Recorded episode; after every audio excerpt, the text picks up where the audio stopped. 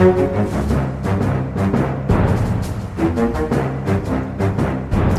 Nei, nei, men så vidt. Da drar vi i gang denne ukens Aftenpodden. Eh, Vi er på plass i studio. Her har vi Trine Eilertsen. God dag, god dag. Hei. Sann. Jeg er Lars Glomnes. Og så istedenfor Sara Sørheim, som er på et eller annet form for seminar eller på spa eller noe annet nede med eh, Norsk Telegrambyrå, eh, så har vi en, eh, en knakende god erstatter i Andreas Slettholm. Velkommen. Tusen takk for det. Eh, Andreas er da kommentator og eh, kan vi kalle deg Oslo-ekspert?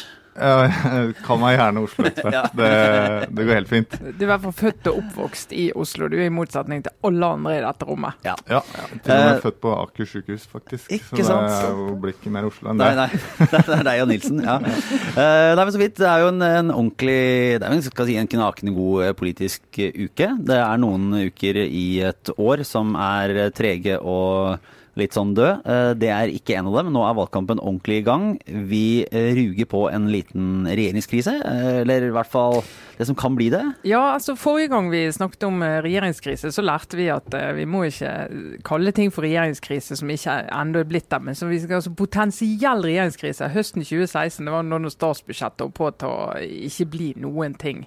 Fordi at Venstre, KrF da, og Frp var helt uenige om eh, drivstoffavgifter. Og da snakket vi om mulig regjeringskrise. Eh, Så vi må snakke om mulig regjeringskrise. Eh, og Det vi er spent på, er om vi står rett foran de eller ikke. Og som du sier, vi har en del grå uker i politikken. Dette er ikke en av de. Nei. Så vi skal uh, gå uh, dypere inn i bompengekrisa. Vi skal inn i situasjonen i Oslo og se litt på konsentrasjonene og hva som kan komme der. Og så blir det en fyldig runde med obligatorisk refleksjon.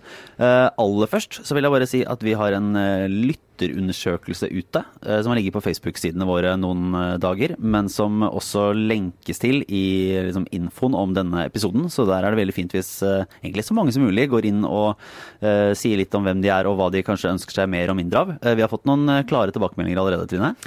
Eh, Vi har fått noen klare tilbakemeldinger. Folket der ute er lei av at vi snakker om eh, eliten og Oslo-bobla. Det er de lei av, er mitt inntrykk. Og så har jeg fått tilbakemelding om at jeg må slutte å puste så tungt i mikrofonen. Så det noterer jeg og skal slutte med med én eneste gang, sånn at det hjelper å delta, er egentlig poenget. Ikke sant, ja ja, det, vi, vi leser alt. Eh, Det var jo også en annen men det, det, det, Av og til Noen følger veldig nøye med, og så var det andre som var Nå skal ikke jeg henge ut noen, men var, var en, en kommentar til 'hun som ikke heter Trude'. Så jeg skal si vi tar imot alle lyttere. Uh, vi tar alle innspill på alvor. Uh, men uh, det kan hende at noen vektes tyngre eller lettere enn andre. Men skal vi se, Andreas, har du, fått, har du fått taket på denne bompengekrisa? Føler du at du har oversikt? Eh, Det korte svaret på det er vel nei. Eh, Jeg syns det er jo oppsiktsvekkende, selvfølgelig, men det er jo en helt sånn eh, Ja, altså Borgerlig kaos er jo et uh, mye brukt begrep uh, i gamle dager, men dette her er jo helt kaotisk, så vidt jeg klarer å se. Og det er jo helt tydelig at noen har Altså at de har vidt forskjellige oppfatninger om hva som egentlig har skjedd, da, rent sånn prosessmessig her. Ja, for Det er ikke så lett å forstå. for Det, altså, det, er, det var snakk om på søndagen som var, så da holdt eh, landsstyret i Fremskrittspartiet et eh, møte eh, der de tok stilling til en skisse til løsning på altså, bompengeproblemet. Da, altså, bompengeproblemet altså at, at man vil altså, Det er en enighet på borgerlig side om at det nå, er, nå er det for mye bompenger. Så det vil de ha litt, gå litt ned på. Men Venstre er jo bekymra for at det skal gå utover klimasatsing og bymiljø og Biltrafikken biltrafikk. ikke skal? Reduseres. Men denne skissen har vi jo da ikke fått vite nøyaktig hva inneholder. Så det er, det ikke så, det er ikke så lett å vite akkurat hva det handler om. Uh, og så er det ikke helt uh, lett å vite akkurat hvor de ulike partiene står. For nå har det jo på en måte blitt en, altså en stillingskrig som ser ut til ikke kun å handle om innhold. Ja, altså det som, det som jeg tror eh, skaper litt forvirring, da, det, det ene er jo at disse partiene har jo veldig ulik sånn forankringskultur. Eh, Så når de eh, rett før sommeren ble enige om at nå skal nestlederne og et par stykker sette seg ned og kikke på bompengespørsmålet, og komme med noen forslag, prøve å snakke seg sammen sånn at vi kan eh, prøve å dempe bompengetrykket i, både i by og land, men samtidig ta vare på klimaet, oppdrag. Så har disse ulike forankringsprosess, og Frp de har jo sagt hele tiden, og de er veldig nøye med å forankre ting i landsstyret. Høyre de forankrer ting hos Erna Solberg. I hovedsak. Eller det vil si Erna Solberg forteller de hva, hva Høyre mener akkurat nå, og sier Høyre fint. Og så har du eh, Venstre, som eh, har som sitt eh, øverste organ i praksis eh, i denne situasjonen her, stortingsgruppen. Så det er litt sånn annerledes måte å snakke med folkene sine på. Så i forrige uke når de begynte å nærme seg slutten av uken, og Erna Solberg skal ha sagt at eh, her er en kiste, nå må dere gå ut og sjekke med folkene deres. Så for Frp som kaller inn til landsstyremøte, så blir det litt sånn eh, stort, svært. Det kom vel hastemelding om det. Og alle jøss, nå skal de ta stilling til i praksis om Frp skal inn og ut av regjering. Det var litt den følelsen vi fikk. Så hørte vi liksom ikke noe fra de andre. sant? Hva, hva de, Var de i telefonmøte? Er de, er de, på tur? Hvor er de sant? Eh, sånn at Det blir jo eh, en voldsom eh, markering av Frp sin diskusjon, og de kom ut av det og sier at uh, dette står vi enstemmig bak. Mm. Og der, altså, Det var jo en uh, seanse, og Fremskrittspartiet har jo helt siden Carl I. Hagens uh, dager vært sånn glad i å å sette litt drama, eller å lage litt sånne situasjoner der oppmerksomheten kommer eh, rett på dem, og der eh, de sier noe som vil få eh, følger. Og det klarte de nå også. Jeg likte for øvrig at Christian Tybring-Gjedde kom ikledd uh, sykkelhjelm. Kom syklende. Uh, som er bare en fin liten detalj inni hele liksom. Med eller uten vase, da, eller? Ja, jeg tror ikke det var ikke noe vase. Uh, men de har jo, det var jo en oppfølging av disse seks bompengekravene som landsstyret kom med i juni. Mm. Uh, som, som, egentlig har vært grunnlaget for den, disse forhandlingene som har vært nå. Uh, som, skulle, som, var veldig strenge på hva som måtte gjøres og hva som måtte gjennomføres. Vet vi noe om, om uh, de kravene er oppfylt i det som det Frp nå har sagt ja til? Nå husker jeg ikke detaljene på alle seks kravene, men vi vet jo igjen da, vi vet jo ikke helt hva, hva denne skissen innebærer. Men eh, de har jo, det er jo ikke det samme som de seks kravene de, de, stilte. sånn at de har jo allerede, Og det skulle jo være liksom ultimative krav i juni. Mm. sånn at allerede har jo de beveget seg, eh, beveget seg langt. Men, eh, men, åpenbart ikke langt nok for Venstre, da, kan man si. Mm. Nei, og så, er det jo den, Disse byvekstavtalene er jo litt sånn nøkkel her, og det har vært diskusjon lenge. Der du sier at eh, den samferdselsutviklingen i byene, eller befolkningsøkningen i byene, den trafikken som kommer som følge av det, den skal slukes inn i klimavennlige løsninger. Sykkel, gange, kollektiv. Du skal ikke øke biltrafikken selv om byene blir større, har det egentlig vært. Og så har sagt at, eh, og så bruker du bompenger bl.a. For å, både for å dempe biltrafikken inn i byen, men også for å finansiere disse kollektivløsningene. Så sier eh, Frp og bompengepartiet og de som er mest rasende nå, vi kan ikke betale så mye bompenger vi bilister for å betale for sykkelveier og gangstier og kollektiv. Så vi vil at trykket skal ned. Og Venstre sier at det, det, kan vi ikke gjøre, for da øker trafikken inn til byene. Og det, Dette her gnikket og uenigheten mellom de, det er det vi lurer på nå. Og Det er jo det som er litt springende punktet nå. For hvis lekkasjene stemmer, så skal det jo være gitt 10 milliarder mer ish til disse kollektivplanene. Eh, altså Staten sier at mm. det tar vi. Det skal altså bompengefolket slippe å betale. Vi tar det direkte på staten. Men halvparten av det skal gå til å kutte i eh, bompengenivået. Og så sier Venstre ja greit, da får vi noen fem milliarder kanskje til mer til kollektiv. Men hvis det gjør at biltrafikken øker, da kan ikke vi gå med på det. Det skal være den store konflikten nå. Og så er det jo spørsmål om dette null, uh, nullutslippsmålet. Nullvekstmålet, ja. ja. Det er jo litt ironisk, da, fordi Fremskrittspartiet har jo liksom vært en eh, pådriver for å tolke den eh, litt sånn ulne formuleringen i Granavolden-erklæringen om at det skal videreutvikles til å bli et nullutslippsmål. Eh, og det er jo litt sånn ironisk, fordi nå får, har du nullutslippsbiler, sånn at du kan i prinsippet øke biltrafikken uten at det fører til mer utslipp. ikke sant? Eh, og det kan jo høres litt rart ut at, eh, at Frp plutselig er så opptatt av eh, utslippene, men det er jo nettopp av den grunn. ikke sant? Eh, en sånn detalj som jeg ikke har sett noen helt fange opp der, er at eh, Frp har jo vært kritisk tidligere til den der voldsomme subsidieringen av elbiler på bekostning av andre biler. Og et nullutslippsmål vil jo innebære en enda større forskjellsbehandling av elbiler og, og, og andre biler. Så det er de helt åpenbart eh, nå villige til å gå med på. da. Eh, så lenge det innebærer en total eh, mindre belastning for eh, bilistene. Men er det, er det noe nå som tyder på at Frp eller Venstre tjener mer på å ha denne konflikten gående? Det, er så mange ulike meninger om det. Og så har jeg snakket med en, uh, I begge partier har jeg snakket med folk som sier at vi tjener på dette fordi at vi får frem at vi kjemper for en sak som er viktig for oss. Alt handler om vår kjernesak nå. Venstre klima, Frp bilistene. Vi er i alle studioene og får lov å vise velgerne at vi kjemper og kjemper og kjemper. Så det andre som sier at ja, det er jo riktig, men vi må jo lande dette her før valget. Uh, det er folk i Venstre som sier at det må vi ikke, vi kan jo bare gå videre med Granavolden. Det, det, er jo den var vi kjempefornøyd med. Men det er klart Frp må jo det. Uh, og Erna Solberg må det, og statsbudsjettet må det. Statsbudsjettet, De skal ha en konferanse neste uke, og der på en måte skal komme de der eh, siste store justeringene på statsbudsjettet. De kan ikke liksom sitte og holde på med dette langt etter valget. Så de må få gjort noe. Men så, så, det blir jo resultatet som avhenger, og tolkningen der ute av resultatet. Og litt av problemet til disse partiene er at nå sånn eh, bak ryggen til den andre, så forteller de liksom hvor Altså i Frp, herregud, At ikke Venstre er mer fornøyd med det, jeg fatter det ikke. De har jo fått kjempemye gjennomslag. De må være superhappy for det. Og de sier liksom nei til 10 milliarder i kollektiv. Skal de, skal de si det, liksom?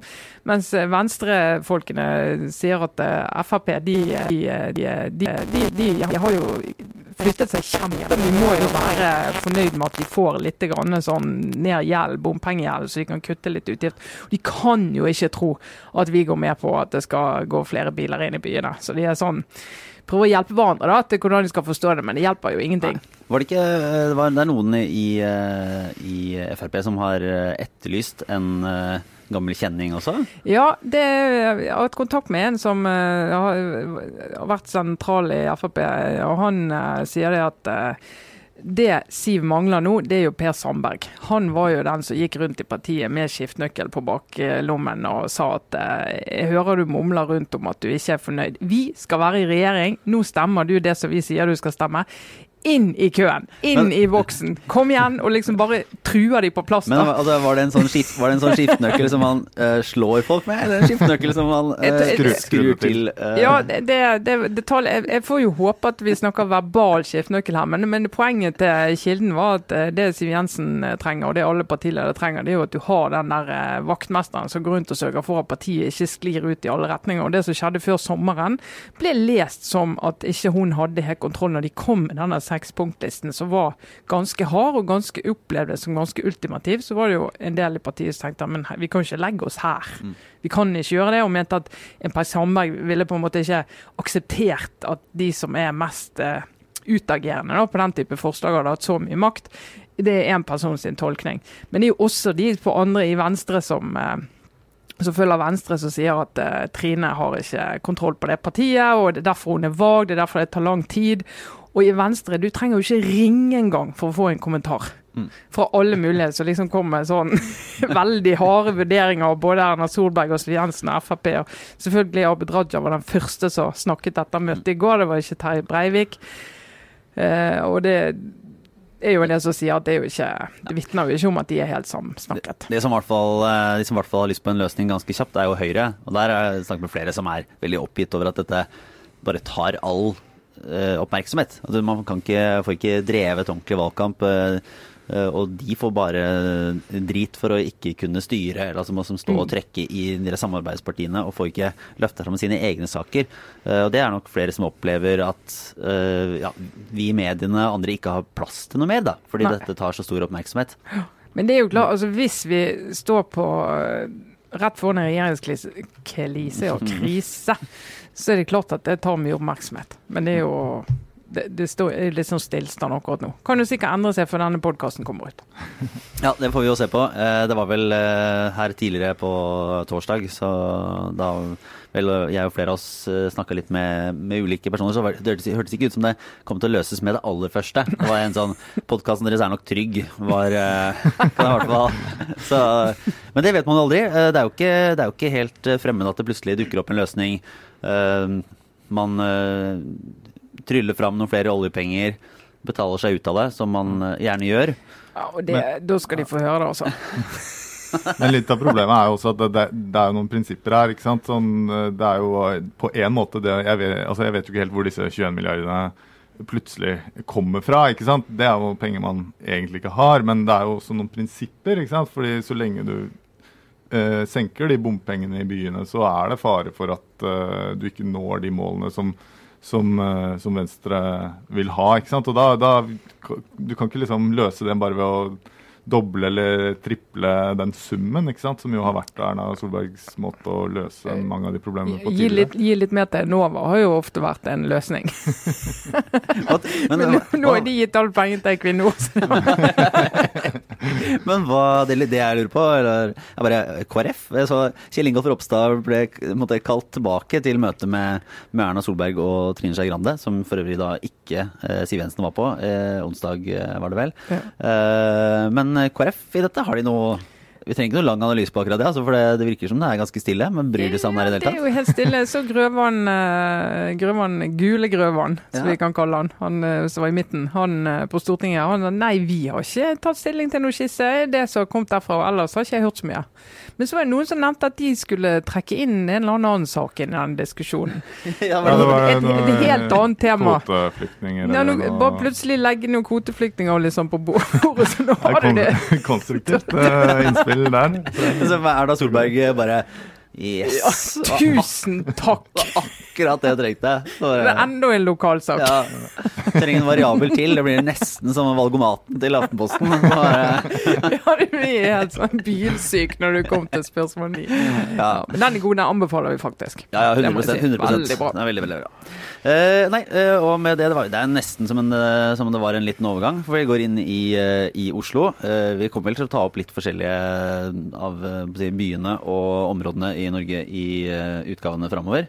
Vi skal jo til Bergen Ja, ikke minst. og være der live, så vi skal nok snakke om Bergen nå. Ja. Hvis noen var redd for det, at det ikke skulle skje. Det blir uten meg. Ja, Det blir ja, uten deg. Men eh, nei, for nå er det Det, det nærmer seg jo. Eh, Det har kommet eh, ulike målinger. Flere skal, flere skal komme. Eh, Du skrev denne uka, Andreas, om de mulige konstellasjonene og hvordan det kan ende opp etter, etter valget. Kan du bare dra kjapt litt gjennom hva som, hva som ligger som de mest sannsynlige alternativene nå? Ja, altså Det er åpenbart eh, liksom, eh, Alternativet som er i førersetet, det er jo at eh, dagens rød-grønne byråd får fortsette. Altså MDG, Arbeiderpartiet og SV. Og etter all sannsynlighet også trenger støtten de har hatt fra Rødt. da. Det, er, det er egentlig ingen målinger Vi hadde vel en måling i juni vi, som viste at de var avhengig av Senterpartiets ene mandat for å få det flertallet. Men bortsett fra det så er det ingen målinger det siste året som har vist noe annet enn et eh, rød-grønt flertall. Så det er jo det er, og det er jo et helt sånn avklart alternativ. Det har vært litt sånn spekulasjoner hvis eh, Senterpartiet kommer inn og kan danne flertall, om de da kan droppe Rødt og få inn Senterpartiet som støtteparti eh, fremdeles. Men det framstår litt eh, spekulativt, akkurat eh, det. Og så er det har Senterpartiet en tendens til å falle litt eh, fra. da, De ligger jo ofte inne med et mandat i Oslo, så ender det med null, som det har gjort siden 1995. Eh, men men, eh, men eh, det, det er veldig avklart. Og hvis det ikke skjer, så er jo veldig, eh, alt egentlig veldig lite avklart. Eh, Fordi vi har fått et bompengeparti også her i byen som kan eh, havne på vippen. Men på borgerlig side, er det noen Der er- vil man da gå tilbake til et, eh, et høyre-venstre-KrF-byråd i så fall? Eh, Hva er, det som skal da, hva er det som må endre seg i sånn de store skiftene for at det skal kunne gå eh, Nei, altså eh, Gitt at da bompengepartiet kommer inn med et uh, par-tre mandater altså Det fremstår veldig Det er ikke helt usannsynlig, men ganske usannsynlig at, at de gamle borgerlige, altså disse regjeringspartiene, da, at de får flertall alene i, i Oslo, uh, som det ser ut nå. Hvis de gjør det, så, så tror jeg det kommer til å gå ganske greit. Da blir det enten altså det, har, det, det er jo sånn det har vært i Oslo da helt i de 18 årene før Raymond Hansen overtok. og Da har det vært litt skiftende konstellasjoner. Det har vært eh, Høyre, Venstre, KrF, det har vært Høyre, Frp. Eh, Det har vært eh, noen litt sånn rene Høyre-byråd også. Men det, det, da tror jeg nok liksom, forhandlingene kommer til å gå ganske greit. Men hvis de blir avhengig av bompengepartiet, så er det mye mye vanskeligere, spesielt for, eh, for Venstre, da, eh, å skulle liksom se for seg at de skal forhandle noen sånn form for politisk plattform med noe som inkluderer bompengepartiet. På borgerlig side, hva er, som, hva er det som gjør at de nå ligger mye dårligere an? Er det, er det stor- først og fremst at Frp bare har falt og falt, eller ligger Høyre også lavere enn det de har gjort? Eller hvordan er det det Det er jo, altså, Frp er jo liksom en ren sånn her solnedgangshistorie. da, Jevnt og trutt ned og ned. liksom. De gjorde jo, synes jo de gjorde et elendig valg i Oslo for fire år siden, når de fikk 6 Det var da Carl I. Hagen skulle redde Ja, da Carl I. Hagen skulle ha savna seg selv og skulle bli ordfører i Oslo. Eh, og så er det jo, De har vel hatt noen målinger hvor det er over det, det resultatet nå, men stort sett så ligger det liksom an til å gjøre det enda dårligere i år. da. Og det gjør det jo liksom bare rent sånn matematisk eh, vanskeligere. For Venstre har liksom heller ikke fått noen boost de siste åra, sannsynligvis litt pga. den nasjonale situasjonen. Sånn at Høyre må rett og slett gjøre et Og KrF er jo ikke noen kraft å snakke om i Oslo. De får inn én, kanskje to hvis jeg er kjempeheldige. Sånn at Høyre må liksom opp på, godt opp på 30-tallet da, eh, for at de skal eh, de skal vinne makten. Det er jo både Høyre og Arbeiderpartiet i Oslo har vel blødd til bompengepartiet. Ja, Bompengepartiets øh, og Frp, da. og så har de mange hjemmesittere, som jo er veldig sånn usikre velgere. sånn at Mm. jeg tror kanskje at Jeg er helt sikker på at Bompengepartiet kommer til å komme inn, men sånn erfaringsmessig er jo, er jo de partiene som har veldig mange hjemmesittere øh, i velgergruppen sin, de er jo usikre. Ja, det, en, eh, Fra Arendalsuka så, så pratet jeg litt rundt med, med folk i Fremskrittspartiet, og der var det jo noen som sa at de nå egentlig eh, på en måte, De ønsker jo at det skal gå bra med Fremskrittspartiet ved valget. Altså Der er folk som har vært eh, er dypt inne i partiet. Men at det Oslo fylkespartiet, det er på en måte så dysfunksjonelt, eller er så, eh, er så på tvers av, av resten, da, at det, det var faktisk et ønske at FRP de kom, var en erkjennelse av at Fremskrittspartiet kommer til å gjøre et ganske dårlig valg, men de håpa bare at det var bra nok i resten av landet til at Oslo og Bergen skilte seg ut i negativ forstand. Altså det var sånn at Du kunne peke på dem og si at uh, det her er så dårlig at vi må bytte ut stort sett hele ledelsen. Ja, for det er jo, så, det er jo helt dysfunksjonalt både i, i de to største byene. Og det har jo enormt mye å si for valgresultatet over hele landet. Hvis du, hvis den ligger og, og går langt under, så er det jo det er mange velgere å vinne i Oslo og Bergen. Og hvis man da ligger helt nedpå, så får man verken makt eller noe godt resultat på nasjonalplan. Så bekymringen var egentlig at det skulle gå så dårlig på nasjonalplan at, at de store byene som de vil ha endringer i, ikke skiller seg ut. Og dermed ikke tilstrekkelig dårlig, liksom. Ja, altså, det var sånn, du kan må gjøre det så si ordentlig dårlig. Da, Ja. sant? Og det, men det er jo mye styr på at de skal lykkes med det. ja, ja, det.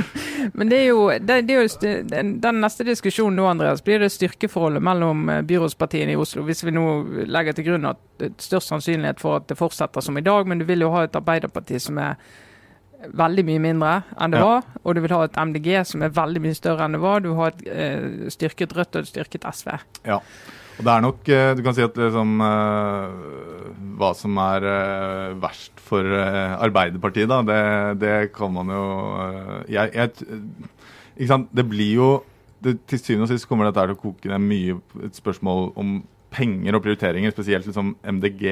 Eh, sine prioriteringer vil handle om å bruke mest mulig penger på, på sin politikk. ikke sant? Men så har du noen sånne prinsipielle greier som er litt sånn vanskeligere for Arbeiderpartiet når det kommer til Altså, Skal man fortsette å forby uh, kommersielle barnehager å etablere seg, liksom? Eller skal man være enda hardere klypa overfor uh, ja, eh, den type leverandører på andre st steder av velferdssektoren. Men, men også Rødt har jo liksom kjempedyr sosialpolitikk og sånne ting. Sånn at den, der, jeg tror det er først og fremst der hvor, hvor man vil merke det veldig. Og så, og så er jo sånn, kan si, Når du snakker med, når du snakker med Arbeiderpartifolk, da, så er jo de eh, i Oslo så er jo de veldig opptatt av at eh, nei, det er ikke MDGs miljøpolitikk eh, vi fører. Vi fører Arbeiderpartiets miljøpolitikk, og, og vi er mer eh, vi er, vi er liksom helt på linje der, og det tror jeg nok er sant. Samtidig som å som at MDG har en helt annen vilje til å prioritere miljøpolitikken sin enn det, det Arbeiderpartiet har. Men det gjør, det gjør jo liksom at det ikke er altså Jeg tror det er mye, mye verre for Raymond Hansen om, om eh, spesielt Rødt liksom skulle gjøre et skikkelig brakvalg enn enn at MDG som gjør det kjempevanskelig. For da blir det jo litt sånn kjøttvekt. Da må de, okay, da må de kanskje eh, bruke mer penger på miljøpolitikken, men sånn velgestrategisk for Arbeiderpartiet så er det da et kjempeproblem. fordi mange av de velgerne som Arbeiderpartiet når, eh, som ikke MDG og SV og til dels Rødt eh, når, det er jo de som avgjør eh, sånn, om de vinner valget eller ikke, f.eks. ute i Groruddalen. da. Mm, ja, for er, eh, det kan vel ligge an til enda større potensielt geografiske forskjeller i velgermønsteret eh, ved dette valget enn tidligere, eh, eller hvordan Ja, det blir, det blir, veldig spennende å se. Man snakker jo veldig ofte om Oslo som en sånn delt by mellom øst og vest, og det er jo mye man kan gjøre det på mange måter. Men når det gjelder sånn øh, politisk, så mener jeg at det i hvert fall en sånn litt sånn underkommunisert dimensjon her er jo det som jeg har kalt liksom uh, Oslo mot Aker. Altså at dette byrådet er veldig sånn øh, sterkt sterkt i eh, det som var Oslo fram til 1948, kommunesammenslåingen ved Aker, som basically betyr innafor Ring 2. da. Nå, jeg, nå, nå, viser du at du er ja, det er Oslo-losen Oslo, ja. Eh, som snakker her. Akerselva ja, rant oppover på den tida også, men det veit kanskje ikke dere. Um, nei da, men, men, men det, er, det, er, indre by som er liksom Og til dels også, selv om det er mye bråk på Frogner, så er det sånn byrådspartiene gjør det ikke så veldig dårlig der. Jeg tror MDG for eksempel, på Frogner kommer til å gjøre det ganske bra. ikke sant? Men men ute i, eh, i liksom, de mindre urbane områdene av Oslo, så er jo stemningen ganske annen. Og det har jo litt med at det er en del av de avveiningene som dette byrådet har gjort, som jo kommer på en måte de mest urbane, urbant bosatte til gode. da, ikke sant? Sånn som trafikkbelastningen i indre by er ganske høy hvis man bor der, men hvis man, bor, hvis man er avhengig av by eller i ytre by, så er det selvfølgelig en en uh, negativ ting at det blir dyrere å komme seg til jobb. ikke sant? Jeg tror En merker jo, som selv sånn bosatt i, ja, innenfor Ring 2, da, og man lever da et sånn relativt urbant liv, kort vei til jobb, eh, ikke barn, eh, bruker ut, liksom, tjenester, uteliv, alle sånne ting, så er det jo en Det er litt vanskelig å få få sagt ifra, eller få skapt et bilde, i hvert fall i, hos mye av min krets, i at Oslo sånn i det store beveger seg i feil, liksom, feil retning. Eh, og det er vel det er også en kommunikasjonsutfordring for si, Høyre, da. Eh, for du kan ikke helt nødvendigvis skape et, eh, et bilde for de som bor i sentrum, at ja, nå går det virkelig gærent. Og det, det, var en, det, var jo på en måte samme utfordring som, som Arbeiderpartiet og MDG og SV hadde før de tok makta. Også fordi at mange av de som bor i, eh, i Oslo har en oppfatning av at eh, ja, vi er et eh, rikt land og verden går liksom framover og det kommer nye tilbud og ting er stort sett på stell. Ja, og så kan du si Det er jo liksom noe av utfordringen for både altså Særlig for Høyre, kanskje, da, men, for, men ikke minst for Venstre. altså Venstre ønsker jo ikke noen sånn radikal endring av f.eks. bysentrumspolitikken eller den type ting. Og, og, og, og hvis det er liksom det miljø- og samferdselsområdet som dominerer bilpolitikken, så er det, veldig, det er vanskelig for Høyre også å posisjonere seg. fordi vi jo ikke, De ser jo at mange av, ok, de har noen veldig sånne folk som er veldig sure på alt som er noen kjernevelgere. Andre kjernevelgere er jo eh, folk som er opptatt av uteliv og byliv og, og kanskje sykler til jobb fra Frogner og sånne ting. da. Sånn at de eneste som liksom setter seg ordentlig på bakbeina mot liksom den retningen som Oslo sånn eh, i hvert fall på det politikkområdet eh, beveger seg i, det er jo Frp. Og det går jo ikke så bra. ikke sant? Sånn at det er jo, liksom, det er jo noe med at eh, ja, da begynner du å snakke om sånn dosering og den type ting, da, men da ja, Nei, det er vanskelig men det er jo, for det, det er mange av uh, Høyres velgere og de borgerlige velgerne har jo flyttet seg veldig òg. Sånn at Høyre har jo oppdaget veldig har blitt tvunget til å se at de er nødt til å henvende seg til en annen type velgere hvis de overhodet skal beholde posisjonen som et stort parti i Oslo. Sant? For som du sier, så har liksom alle flyttet seg litt inn sånn blant, ikke minst en mer sånn miljøvennlig klimaretning. Det har velgerne gjort. Men det som har skjedd nå når bompenger er det eneste alle snakker om, det er at en svær viktig sak i Oslo og for Høyre, da, det er jo skole. Den eh, blir det lite snakk om. Og så er det jo eldreomsorg, som er en sånn klassisk eldreomsorg og altså alt som har med eh, private og kommersielles eh, andel eh, av den omsorgen, så er det en veldig sånn viktig debatt i Oslo, og en debatt som skiller mellom alternativene. Er det, nå, det er bare et, et spørsmål som uh, kanskje er dumt, men for Venstre som sitt, De har jo vært et uh, tydelig borgerlig parti i Oslo uh, hele veien. Men er det noe scenario der de kan lokkes over til et litt sånn derre si, sentrumsarbeiderpartiet og MDG-konstellasjon? Jeg tror, da, altså, Hvis du setter på tar en pils da, med, med en fra Arbeiderpartiet og en fra Venstre, og så drar opp den problemstillinga hvorfor, eh, hvorfor samarbeider ikke dere egentlig?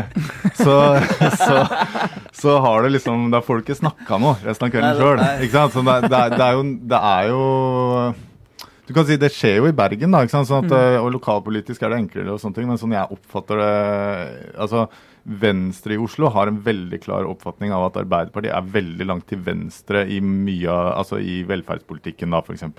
Eh, og, det, og det er jo en del sånne politikkområder som også er veldig viktige for begge de to partiene, mm. som gjør at, gjør at, det er vanskelig å se for seg. Det er derfor de har kommet med dette eh, enormt urealistiske utspillet sitt da, om at, uh, om at uh, MDG bør skifte side, og, og, og, at vi får et høyre-venstre MDG-byråd. For det første så, så er det vanskelig, da, Det må kreve at de tre partiene isolert sett får flertall. Men du kan si at MDG oppfatter Høyre som en veldig bakstreversk kraft på sitt viktigste politikkområde. Så jeg, som, jeg skrev vel i den kommentaren at, at Venstre er like langt fra Arbeiderpartiet som MDG er fra Høyre. Eh, sånn, sånn, at jeg tror ikke jeg tror ikke liksom at de kommer til å hoppe over. Nei, det går ikke. Det ja. Ja. Ikke i år. ikke i år. Men uh, vi ruller videre inn i en liten runde med obligatorisk refleksjon. Mm. Trine Eilertsen, hva går det å grunne på? Nei, Det går å grunne på, for i, eh, vi snakket om det litt før i vinter, denne såkalte Aleris-saken. Uh, 24 ansatte i Aleris, nå heter det Stendig, men den gangen heter Aleris eh, sånn eh, kommersiell eh, hva skal vi kalle det, velferdsleverandør. De er innenfor barnevern og eh, sånne omsorgsboliger innenfor rus og psykiatri. og ja. Eh, og De eh, ble saksøkt av ansatte, 24 ansatte, eller ikke ansatte, for det var jo litt av poenget. 24 som jobbet for de. Ehm, på sånne såkalte oppdragskontrakter eh, med krav om at eh, de egentlig burde være fast ansatt og burde være behandlet som det. Det var det ene kravet. Og det andre var at de burde få tilbakebetalt lønn for den perioden de har gjort eh, oppdrag for Aleris, tilsvarende det de ville hatt hvis de var fast ansatte. Så det var to krav. Og det, Dette blir jo løftet frem som århundrets arbeidsrettssak eh, av, eh, av, flere. og Både Hadia Tajik, Audun Lysbakken og Bjørnar Moxnes møtte opp i, i, retten en av de første dagene og lyttet til de første forklaringene. Og det har vært en veldig sånn regnes som en veldig viktig sak, og Fagforbundet har eh, stått eh, bak disse 24 og sagt at nå skal vi endelig få vist frem eh, råttenskapen egentlig i eh, den kommersielle delen av velferden. Veldig lang tid tok den saken. Tror det på i tre måneder før sommeren. Dommen har vært utsatt, og det skriver jo dommeren òg. Den mye, fikk et mye større omfang eh, enn de hadde tenkt. Egentlig kjefter litt på begge parter for at den har blitt så omfattende, den saken. Og sier at begge parter insisterer på at alle disse 24 sakene skulle behandles eh, sammen, og at begge problemstillingene skulle behandles sammen. Det har gjort at det har tatt lang tid, og har blitt unødvendig kompleks og brukt unødvendig mye ressurser på det, sier retten for det første. Det andre retten sier, det er at begge parter har fått medhold i, sak, i to av hovedspørsmålene. Ti av de 24, eh, sier retten, har egentlig operert som om de var fast ansatte, burde vært fast ansatte. Eh, og Da går de inn i den der at du kan ikke bare eh, Jeg kan ikke bare si til deg, Lars, at, uh, og du sier til meg at nå jobber jeg som en sånn oppdragskonsulent og så uh, jobber du med den type kontrakter når, du, når, arbeidets karakter tilsier at du egentlig jobber sånn som en fast ansatt hos meg gjør. Men de sier det er ikke det samme for alle. Det er ikke det samme for alle, for de sier det er veldig ulikt. Altså Stikkordet er har de som har tatt beslutningen om å gå inn i en sånn kontrakt, er den veloverveid, eh, fri og informert? den beslutningen. Og Der sier de forskjell på saksøkerne. Og Der merker du en viss irritasjon i dommen over at du kan ikke sammenligne hun som ikke visste at Eh, at hun hadde disse alternativene. Og han som har fått tilbud om jobb, fast jobb flere ganger, men sier jeg vil ikke fortjene bedre som uavhengig konsulent. Eh, så de skiller veldig mellom de. Eh, så der har jo egentlig har saksøkerne gått på ganske stort nederlag. For de har jo ment at uansett så kan du ikke drive med oppdragsarbeid innenfor denne typen arbeid. Så det er et ganske sånn sårt og vondt tap. Det andre de sier er at Aleris de eh, trenger ikke å betale erstatning tilsvarende at de har vært fast ansatte. Fordi at du har en helt annen lønnsmodell når du er sånn oppdragsansatt. Det sier de. Og så sier de også det. Retten sier det er ingen indikasjoner på at Aleris har organisert arbeidet på denne måten av økonomiske hensyn. Og det er ganske sånn knallhard tilbakemelding å få. Eh, til saksøkerne egentlig, og til de som har kritisert Aleris i dette. Sier Det er ikke jakten på profitt som har gjort det, for de klarer ikke å finne at den økonomiske uttellingen skulle være så stor.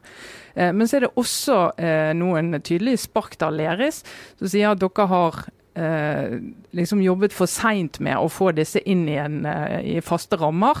Og Aleris sier at vi har faktisk tilbudt i dette en gang i halvåret. Og det sier retten at det har de faktisk gjort. De har tilbudt alle disse fast jobb en gang i halvåret. Men ikke alle. Ja. Så da har de liksom fått Dette Her burde de vært tydeligere.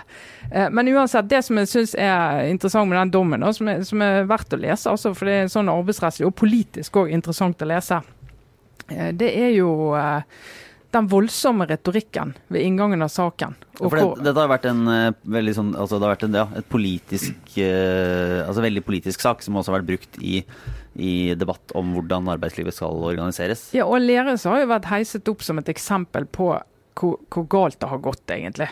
Uh, Men kan jeg bare spørre om det, fordi uh, jeg snakket med noen fra Arbeiderpartiet på Arendalsuka om den saken her før dommen falt. Da, da, og da er det jo liksom noe at uh, fordi Én ting er jo liksom arbeidsmiljøloven og sånne ting, som selvfølgelig er veldig viktig for Arbeiderpartiet, men også for alle som er ansatt i og for seg. Men så er det liksom også den dimensjonen at ja, men her var det folk som hadde jobbet tre døgn i strekk og sånn, Det er en veldig sånn forståelse tror jeg, på, på, på deler av venstresida at dette henger jo veldig sammen. Og selvfølgelig henger det sammen hva slags arbeidsvilkår noen ansatte har. Men, og det høres jo helt sånn forferdelig ut at folk jobber tre døgn i strekk, men samtidig så er det sånn der, dette er jo regulert av forskrifter, og det blir sånn eh, jeg, jeg, skjønner liksom ikke helt om dette egentlig bare handler om arbeidsvilkår, eller om det handler om også kvaliteten på, på tjenestene. Ja, altså, retten eh, sier at uh, det, det, er ingenting som tyder på at uh, Aleris har vært opptatt av noe annet enn kvalitet. altså Litt sånn formulering. Uh, og Så sier de også det at en del av de som har hatt disse lange vaktene, det, det har foregått, og det, det, sier retten at det er svakheten med denne organiseringen. og De trekker frem vi kan ikke, altså Det er ingen heldig måte å organisere arbeidet på. Eh, så de sier veldig tydelig at du skal egentlig ikke fortsette med det. Og det er jo en seier, vil jeg jo si, for uh, saksøkersiden, om du vil. Uh, men så sier de også det at mange av de eksemplene på at folk har jobbet veldig lange vakter, når de har ettergått de, så viser det seg én at det er de sjøl som har bedt om å få ekstra legge på vakten med ett eller to eller tre døgn. Uh, og to, at uh, et, et, eksempel der en hadde gått veldig mye nattevakter, så sier de når altså, eksempelet ettergått, så viser det seg at det har skjedd på stedet i situasjonen at den har bedt en av kollegene kanskje jeg får alle nattevaktene, for det er bedre betalt, og så heller sovende vakter på dagen. Og så har liksom gått inn i en del av de og sier det er ikke, det er ikke altså Etterlatt inntrykk da dette startet, var jo at Aleas har sagt at du skal jobbe fem netter i strekk. Mm. Mens når de går etter, så sier de at det, det, det, kan vi ikke helt, det finner ikke vi belegg for å ha skjedd. Det vi finner belegg for er at det har foregått mye dealing på sånn individnivå og på grunnplanet for å utvide vakter og få mer jobbing. Men så sier de jo nettopp det som gjør at denne måten å organisere det på eh, kan være veldig uheldig da, hvis ikke du har kontroll på det. Sånn at det, det er mange nyanser i det. da. Men ender opp som en sånn sak som egentlig ingen av partene kommer til å bruke som i politisk argumentasjon på samme måte i etterkant? Eller, det er det ene saken. Andre det, blir det anket, eller er det noe Ja, altså jeg vil vel tro forstod, De var jo veldig skuffet, eh, saksøkersiden. Uh, og Hvis de anker, så vil det overraske meg hvis de gjør det på samme måten at de tar 24 stykker i en sleng. For retten er jo veldig sånn skarp mot at det, det, det, burde de egentlig ikke ha gjort, for det er så forskjellige saker da, med så forskjellig historikk, og du kan egentlig ikke legge alt det opp i en bøtte. Men det kan hende de tar noen av sakene og anker, sånn at det her er jo ikke Eh, vi, vi, er ikke nødvendigvis ferdig med denne dommen her, og det er en viktig prinsipielle spørsmål i det. Men jeg, jeg, tror det blir vanskelig å bruke den politisk som en sånn se så grotesk det er, eller at den andre siden sier se hvor uproblematisk det er. Det, det kan ikke se. Som det, det var jo det som sa, men dette er jo bare en vanlig rettssak. Må vi se hvordan det går. og Det, det kan jo, det var for ting som tyder på at den er blitt blåst opp til noe han ikke var. Hvem skulle tro at virkeligheten kanskje var mer nyansert enn uh, politisk retorikk tilsa? Det, det er første gang det skjer, faktisk. Ja, det er, uh, Andreas, hva tenker du på inn i denne helgen? Nei, der, eh, der, Trine eh, ser på 200 sider lange dommer, så tenkte jeg å ta erfaring fra eget uh, liv, da. Eh, men ikke et hvilket som helst liv. Jeg gifta meg på lørdag. Gratulerer. Ja. Yes, takk. Veldig anbefales på det sterkeste. Det var, Blank og fin ring, kan ja, jeg rapportere her. Det var veldig gøy. Men ingen, hva heter det? ingen glede uten score, hvis, hvis, det heter det, da. Nei, jeg, jeg liker det hvis det er noen som er sånn Det var en fin dag, men nå skal du høre. Ja, nei, det var en, et veldig lite skår, da. Men ja. det, eh, min da, daværende forlovede eh, tok jo en taxi opp til kirken sammen med sin eh, forlover. og Det er en kort tur opp til Vålerenga kirke fra der jeg bor. og hun skulle jo ikke komme for seint, så hun hadde jo beregnet litt god tid. Men da de var framme fem minutter før tiden, i et voldsomt regnvær, Eh, og spurte taxisjåføren om han ikke kunne bare sirkulere litt eh, rundt noen minutter til, så nekta taxisjåføren å gjøre det. Eh, fordi han hadde takka ja til en ny tur. Og, og hun, måtte, hun, kunne bare stelle seg der. Under sideinngangen var det litt, litt, tak og sånn. Det går bra. Og lykke til med bryllupet, da, eller hva det er. Det var liksom avgangshilsen der, da. Eh, også, og, og, det er jo for så vidt en morsom eh, historie. Og, eh, men, men, jeg tenker at eh, liksom det, For meg ble det litt sånn inngang til å tenke litt på taxi. da, For jeg har liksom, opp, eh, liksom vært litt observant på taxinæringen etter det. altså Dagen etter så skulle vi sende hjem noen som hadde vært i det bryllupet, og da viste det seg at uh, prisen for å ta taxi til Gardermoen var 300 mer, kroner mer enn dette selskapet hadde oppgitt på uh, siden sine. Eh, på vei hjem fra jobb på sykkel så skjedde det to ganger på samme tur på tirsdag, tror jeg. At det var en taxi som svingte inn, skulle svinge til høyre og svingte inn i sykkelfeltet mitt. Sånn at jeg måtte bremse hardt den ene gangen og stoppe den andre gangen. Altså. Og så også observerte at liksom, de har tuta på eh, en annen syklist som liksom kjørte for sakte over Jernbanetorget og sånn. Og, helt, bare helt sånn, og så Uh, og det er jo kanskje en klassiker, da, at liksom, taxisjåfører de kan ikke oppføre seg. Men dette er jo da i en politisk situasjon hvor vi har en regjering som har bestemt seg for å oppheve løyvemonopolet.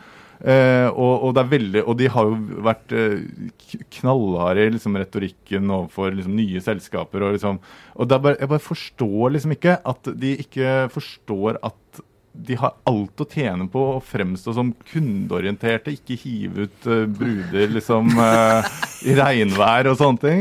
Og, Kjøre og at, på brudgommer og hive ut ja, bruder. Det, og, at, ja, og, at, hvordan de oppfører seg i trafikken også er en sånn omdømmemessig ja. belastning uh, for dem. Da. De, de, har jo navnet på døren. Ja, Svært navn på døren, så det er jo ikke sånn du lurer på hvem det er som tuter nei, på deg. Jeg kan si hvilke selskaper det var som svingte over meg. Det var, ja, det var Bytaxi og Taxi 3. Så ja, da, det betaler seg ikke, det, men den, den, eh, den, den er klassisk. Den er fin. Det der, eh, Trine, du hadde en, en, en, kritikk av hva slags insekter var det. Jeg liker at du får litt sånn temperatur på noen som ikke kan oppføre seg og, ja, ja, i, i storbutikken. Jeg skal egentlig bare runde av med en en kort liten, uh, liten anbefaling. Og så kan jeg, jeg kan på en måte gi en liten trailer på det som kommer til å være min obligatoriske refleksjon neste uke.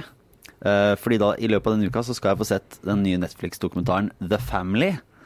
Som uh, han, blant annet handler om uh, en av mine hva skal jeg si, mine slektninger som emigrerte til USA og startet det som ifølge Netflix er et, et kristenkonservativt Eh, religiøst politisk nettverk eh, som strekker de skitne, grådige eh, gudefingrene sine inn i det innerste av Washington DC.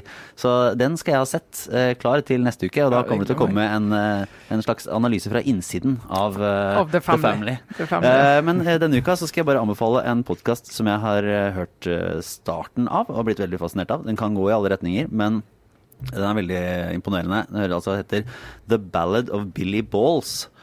Som er en historie om en, eh, en eh, hva skal si, en eh, rocker i New York som ble drept en gang i 1982. Med noen helt fantastiske intervjuer med hans gjenlevende kjæreste, som har en, en sånn stemme og en måte å fortelle på som er helt sånn uh, hypnotiserende. Du bare må, må, høre og få inn her fra da New York, uh, i motsetning til nå, som er et sånn slags uh, trygt turistparadis for norske reisende, var bare skittent og jævlig og mørkt og skurker og dop og alt var sånn ordentlig ordentlig Du ble drept hvis du dro dit, liksom. Ja. ja. Og, og, her er det da liksom stemme som kommer rett ut av det, med også opptak fra eh, 80-tallet. Som er eh, den fascinerende historie som jeg glemmer å høre resten av, eh, og kan anbefale andre hvis de skulle ville ha noe. Som heter altså The Ballad of Billy Balls. Ja, Så kan jeg bare minne om fra brukerundersøkelsen. Der var det, ble det skrevet at de vil ikke ha banning. Så da bare sier jeg det til deg, Lars, så vet du det. Ja, topp. Ja. Men jeg mener at jeg leste en av de andre 800 kommentarene som sa at de ville ha banning. Så derfor alle får litt. Men eh, vi er tilbake neste uke. Eh, Da er det mer valgkamp. Eh, Ja, kanskje, regjeringskrise, hvem vet? Ja, hvem vet? Eh, tusen takk, Andreas Slettholm, for at du var med i dag. Det var veldig hyggelig å være her. Ja, så bra. Eh, Trine Eilertsen, takk, takk. Vær så god. En glede. Jeg er Lars Glomnes.